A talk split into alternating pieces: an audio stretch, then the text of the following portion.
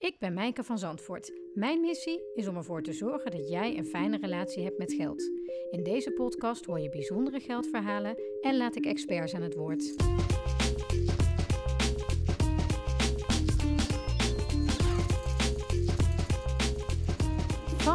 Is het interview voor de Rijke Leven podcast vanuit de Lokhal. Uh, de prachtige nieuwe bibliotheek uh, in uh, my hometown Tilburg. En Marleen Hoftijzer zit tegenover mij. Die is hier net aangekomen met een enorme koffer.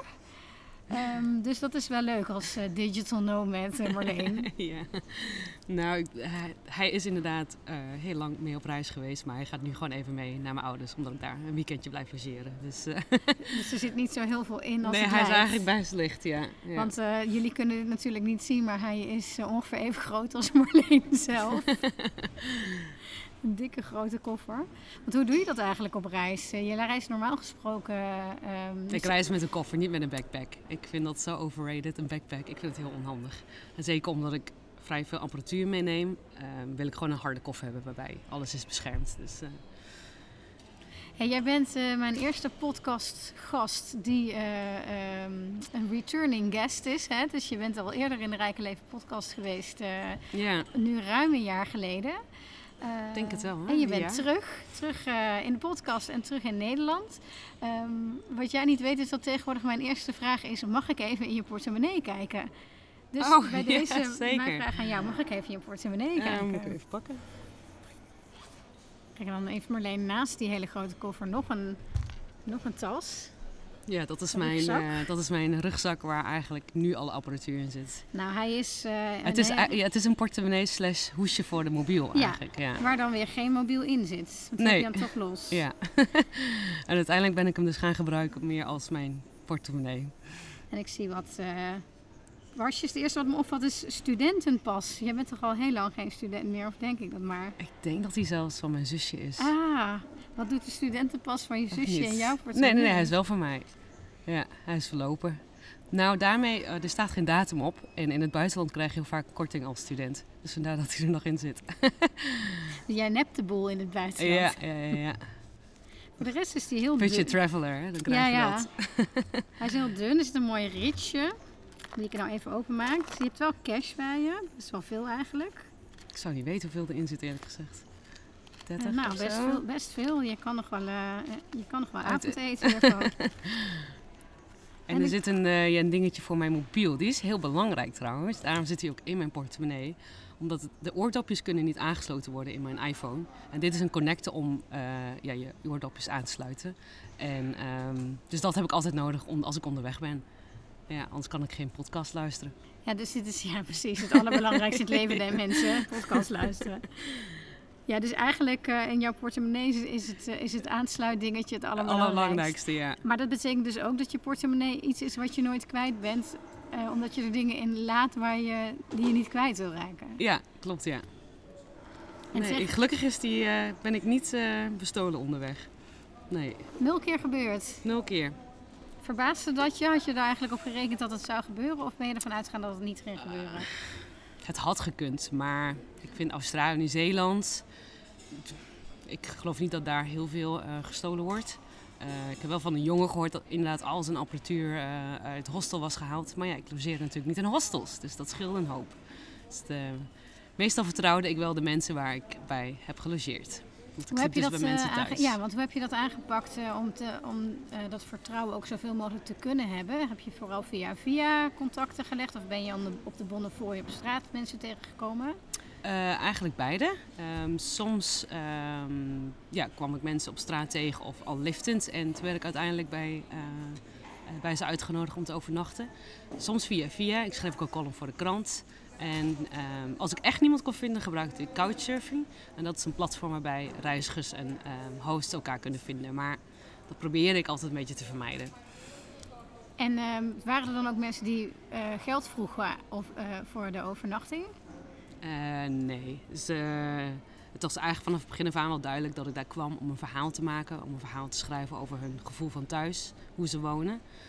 wel probeerde ik zoveel mogelijk mee te helpen. Ehm, ik heb bijvoorbeeld één keer een familie gehad in Nieuw-Zeeland. Daar verbleef ik bijna 2,5 week.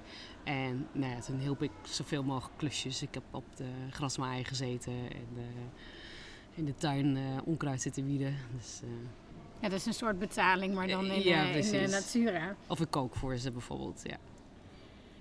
Als je nou terugkijkt naar ruim een jaar geleden de laatste keer dat we elkaar spraken. Ja.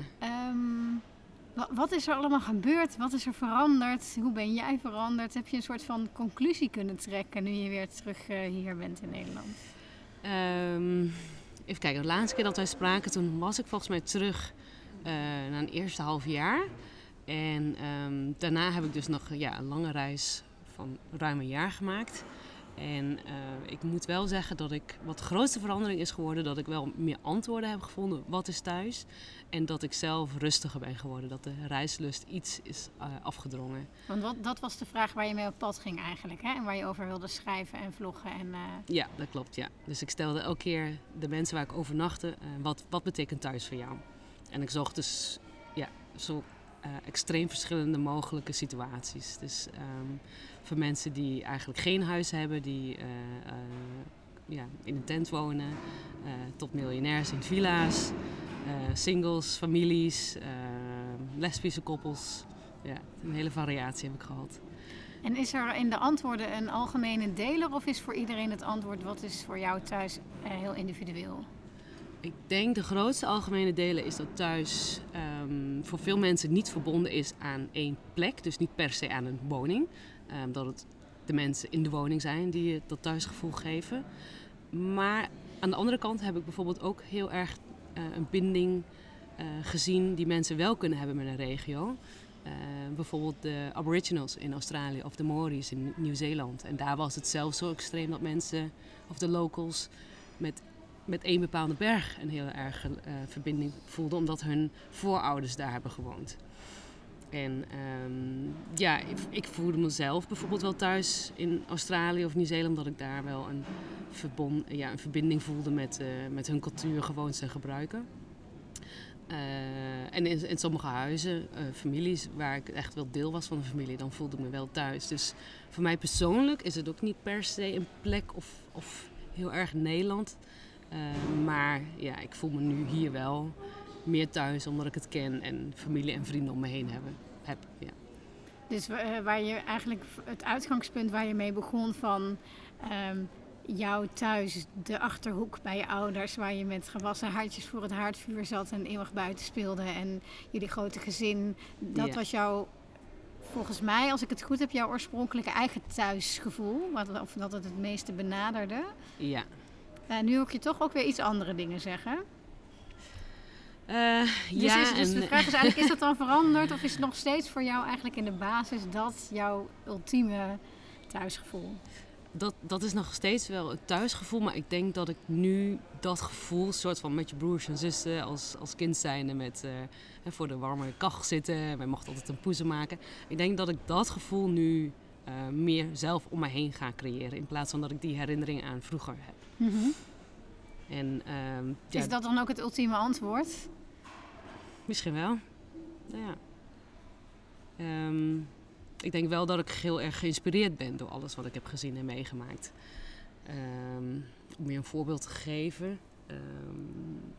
Ik, in Schotland werd ik opgepikt door een, uh, uh, een jongen, die heet Shannon. En die, en die zag me in de regen staan terwijl ik dus naar een lift zag. En ik hoefde eigenlijk maar alleen een soort van brug over te steken om bij, me, uh, ja, bij mijn volgende bestemming aan te komen. En we hadden zo'n goede klik uh, in die 10 minuten dat ik besloot om met hem verder te reizen. Want hij was eigenlijk meteen heel eerlijk over dat hij een soort van takloze bitcoin-miljonair is. Maar eigenlijk diep ongelukkig en ja, op zoek was naar zichzelf en daardoor rondreisde in, in Schotland. Een dakloze bitcoin-miljonair. Ja.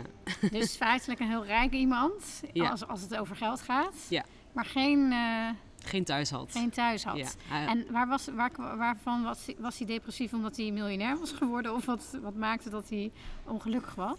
Eh, hij, hij komt uit Australië en eh, daar woonde hij samen met, een, nee, met zijn ex destijds. Esther heet zij.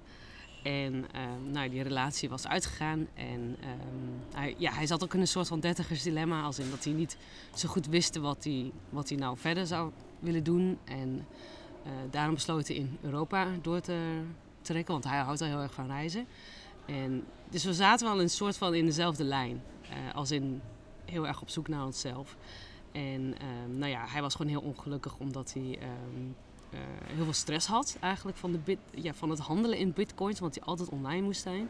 En doordat hij nu in de Schotse Highland was, terwijl wij samen bijvoorbeeld aan het hiken waren, verloor hij heel veel geld. En dat had ik bijvoorbeeld helemaal niet door.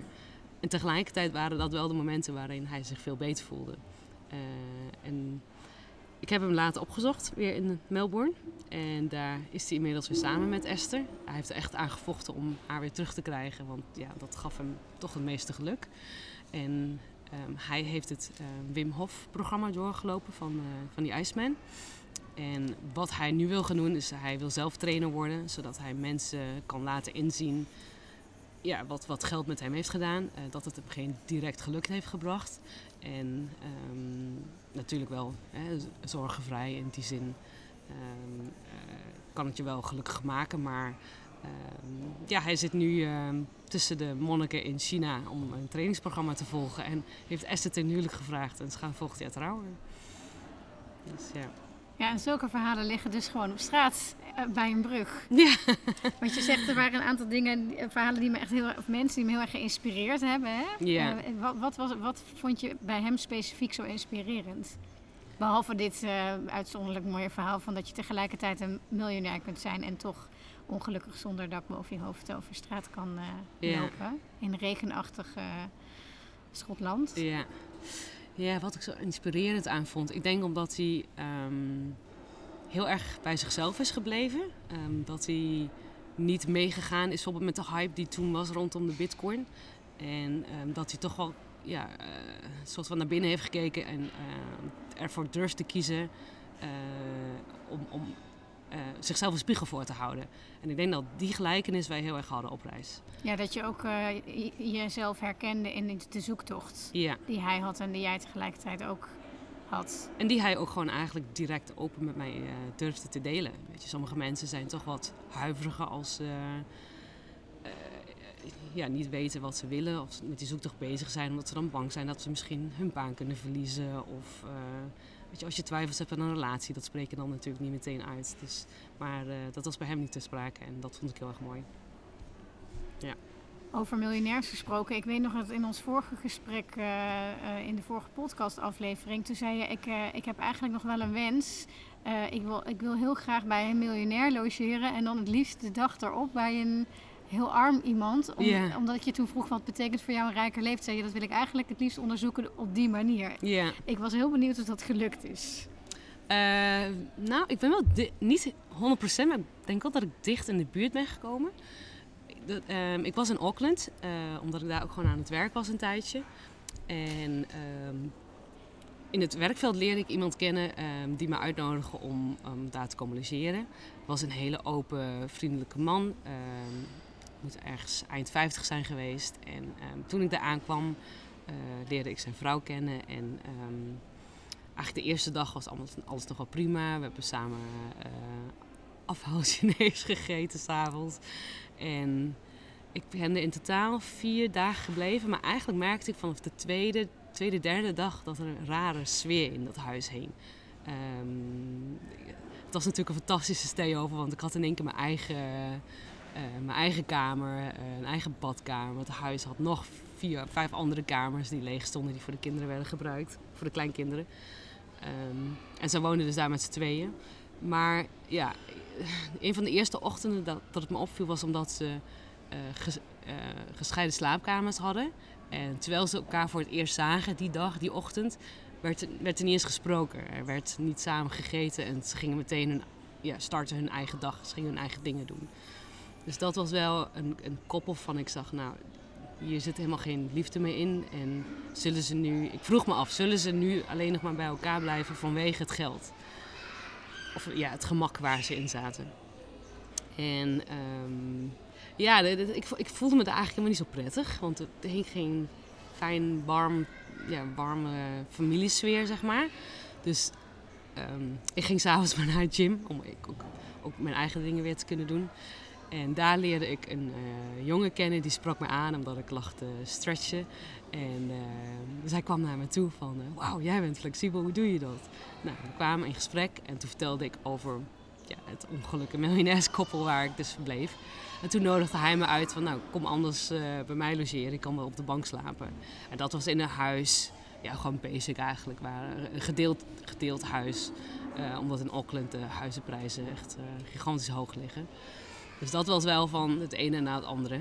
Uh, maar niet helemaal bij iemand die, die ja, bijvoorbeeld uh, op straat moet slapen. Dat, dat is niet gelukt. Maar... Wat, is jouw, wat is jouw eigen geformuleerde antwoord inmiddels op wat is een rijker leven? Want toen, toen beantwoordde je eigenlijk de vraag van, oh, die, die vraag wil ik onderzoeken eigenlijk ook uh, in, in mijn reizen. Ja. heb je daar wel wat meer helderheid over gekregen? Um, ja, ik denk. Um, kijk, ik, ik, kom dus uit de achterhoek, maar uh, heb een woning in Breda. Maar ik merk bijvoorbeeld in de achterhoek dat mijn vriendinnen daar gewoon tevreden zijn. Die hebben een heel ander leven dan ik dat heb. Uh, kinderen gezetteld, hondje erbij. Maar dat past niet bij mij. En ik denk wel dat, dat je een rijke leven hebt als je tevreden kan zijn met, met hoe je op dat moment leeft. En ik vind het heel vervelend dat ik elke keer die struggles bij mezelf heb of elke keer mezelf push om verder te zoeken. Dus soms ben ik, uh, ja, ben ik daar wel jaloers op. En um, ja, rijke leven, ik denk dat het um, ook kan zijn dat je volledig in vrijheid kan leven. Ik heb gemerkt dat um, je gevoel van thuis wordt eigenlijk bepaald door vier onderdelen. identiteit, privacy, verbondenheid en veiligheid. En als een van die uh, onderdelen ontbreekt, dan heb je dat thuisgevoel niet. Um, om, om, om, nog een voorbeeld te geven, ik kwam in Sydney terecht bij een uh, lesbisch koppel, twee meiden uit Colombia. En die zijn verstoten door hun moeders, doordat ze nou ja, geuit hebben dat ze op vrouwen vallen. En nou ja, die, die waren gewoon niet meer welkom. En die moesten dus. Officieel mag je trouwen uh, in Colombia uh, met mannen en vrouwen. Maar ja, zij voelden zich daar alsnog niet veilig. ook al is het legaal. Dus in Sydney voelden ze zich compleet op hun gemak. Konden ze hun identiteit uiten. En ik denk wel dat als je dat gewoon kan in je eigen land. geaccepteerd wordt door je familie, dat dat een rijke leven geeft. En als je dan onderweg bent, hè, want je zegt van uh, ik ben wel eens jaloers op de tevredenheid van mijn vriendinnen. Dus eigenlijk kwamen twee vragen in mij op. Uh, de eerste vraag, kun je ook tevreden zijn met je onrust? Dat het er een soort acceptatie is dat dat nou eenmaal zo is en daar dan dus tevreden mee zijn omdat het blijkbaar jouw weg is. Ik heb het wel steeds meer geleerd om te accepteren, omdat ik ook wel zie dat um, veel mensen, uh, veel reizigers bijvoorbeeld, heel vaak altijd in die zoektocht uh, zitten. Heel veel mensen weten denk ik niet immers altijd uh, waar ze naartoe willen, waar ze heen willen. Um, ja, sorry, wat was je vraag? Ja, of je, kunt, of je ook rust kunt vinden of, of acceptatie in de onrust. Ja. Tevredenheid. Uh, of zeg je van ik ben gewoon nooit tevreden en ik zal ook nooit tevreden zijn en dat wil ik zo graag, dat kan ook. Um, ik denk dat het, dat het beter lukt om er een balans in te vinden. Dat wel, ja. Uh, zoals nu ik terug ben, de, de uh, drang om te reizen is bijvoorbeeld nu even verdwenen. En daar ben ik nu alweer tevreden mee, ja. ja. Uh, dus ik kan nu wel wat iets makkelijker eh, hier weer aarden. en ja. reflecteren. Ja. En de andere vraag die ik had je noemt vier um, uh, keys eigenlijk om een thuisgevoel te hebben. Ja. Um, soort van. Ja, ja, ja, ik vind het wel een heldere analyse. Er zit veel waarheid in, denk ik. Ja.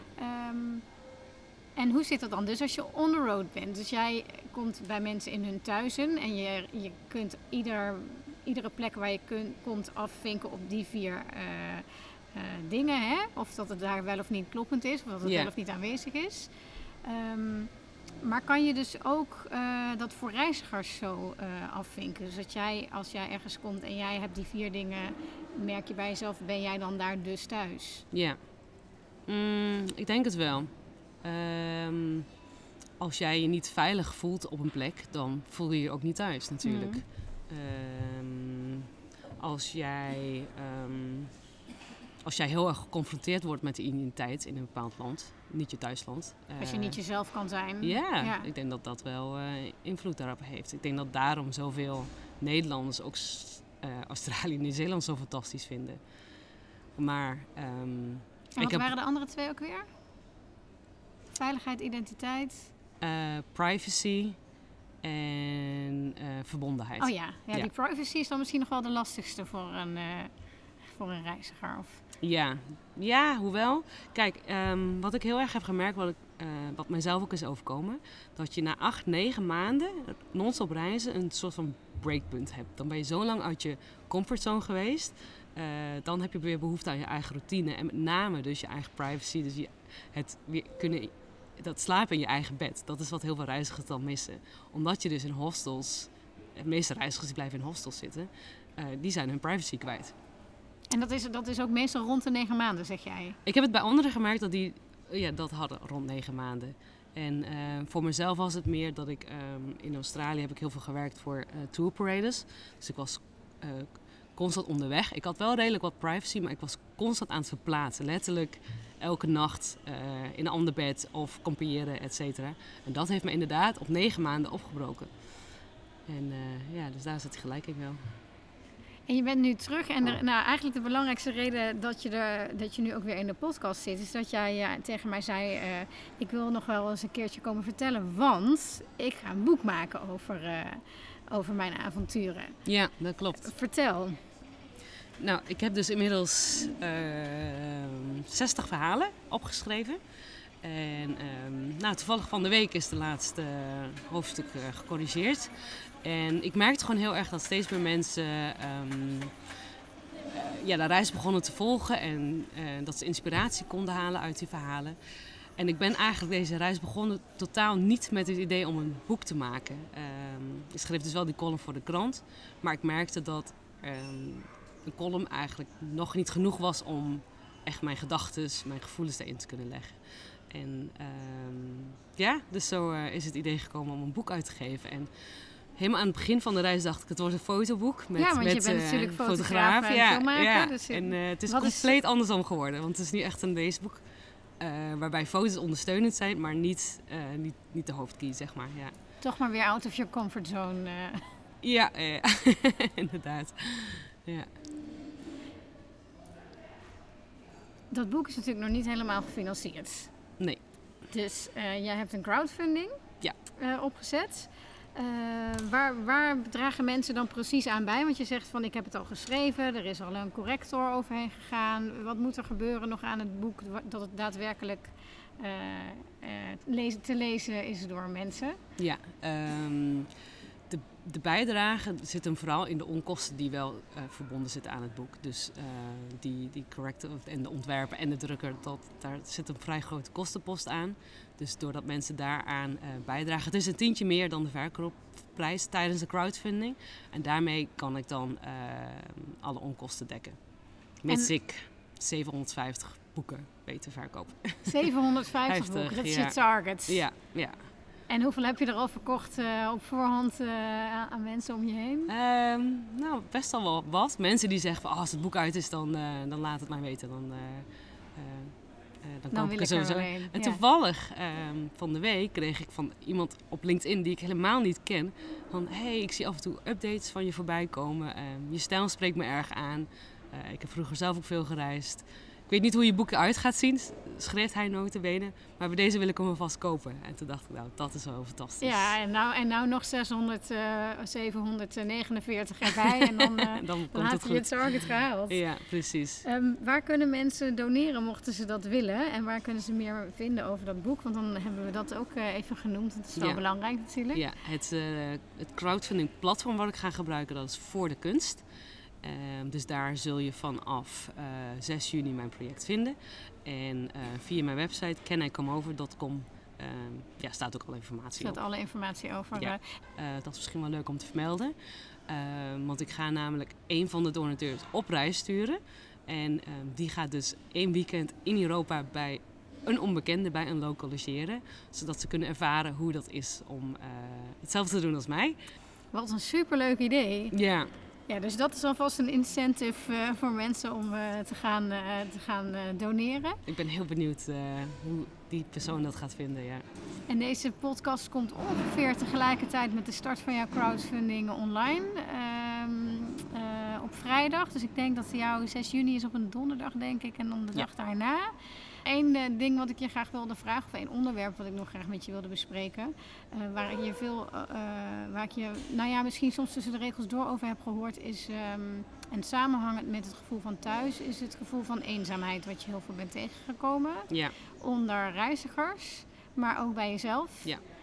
Je had een fantastische eh bungee jump-achtige post met heel veel likes en dingen. ja die maar ging echt viral op het LinkedIn. ging ja. helemaal viral, maar vervolgens liep jij wel in je eentje die berg af en had je niemand om die toffe ervaring mee te delen. En Ja. dat postte je de dag erop. Of, Ja, eh, ja. eh, omdat je ook de behoefte voelde om ook die kant van... eh, Ik merk gewoon heel erg dat heel veel ehm, digital nomads, het, ik relateer dit wel vooral aan, digi- aan digital nomads. Weet je, dat ze alleen maar het, het hele toffe van dat nomadische bestaan laten zien. Dus eh, met je laptop werken op de meest exotische plekken.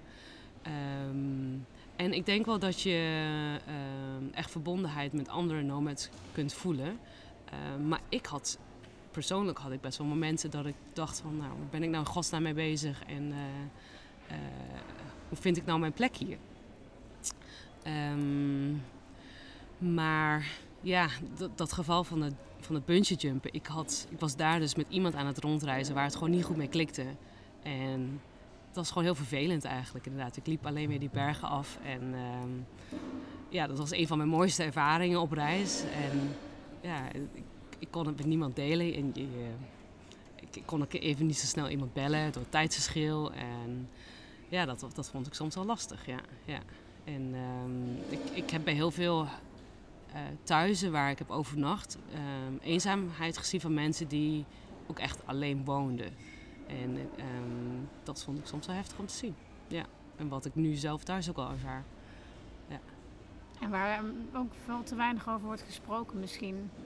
Ja, ik, sinds ik eh, daarover meer ben gaan schrijven en er ook eerlijk over ben, eh, merk ik wel dat ik dat ook vaker terugkrijg. Ehm, toevallig de eerste week dat ik weer terug was in Breda, toen kwam ik over de vloer bij een van mijn beste vriendinnen daar, die ook alleen woont. En die zei ook van ja, ik, ik zit daar soms echt wel mee. En eh, dat, dat zie je niet op social media. Daar wordt veel te weinig over gesproken. Want als mensen aan eenzaamheid denken, denken ze vaak aan het zielige oude bejaarde dametje wat de deur niet meer uitkomt. Ja, precies. En ik merk inderdaad dat eh, heel veel freelancers hier met name worstelen.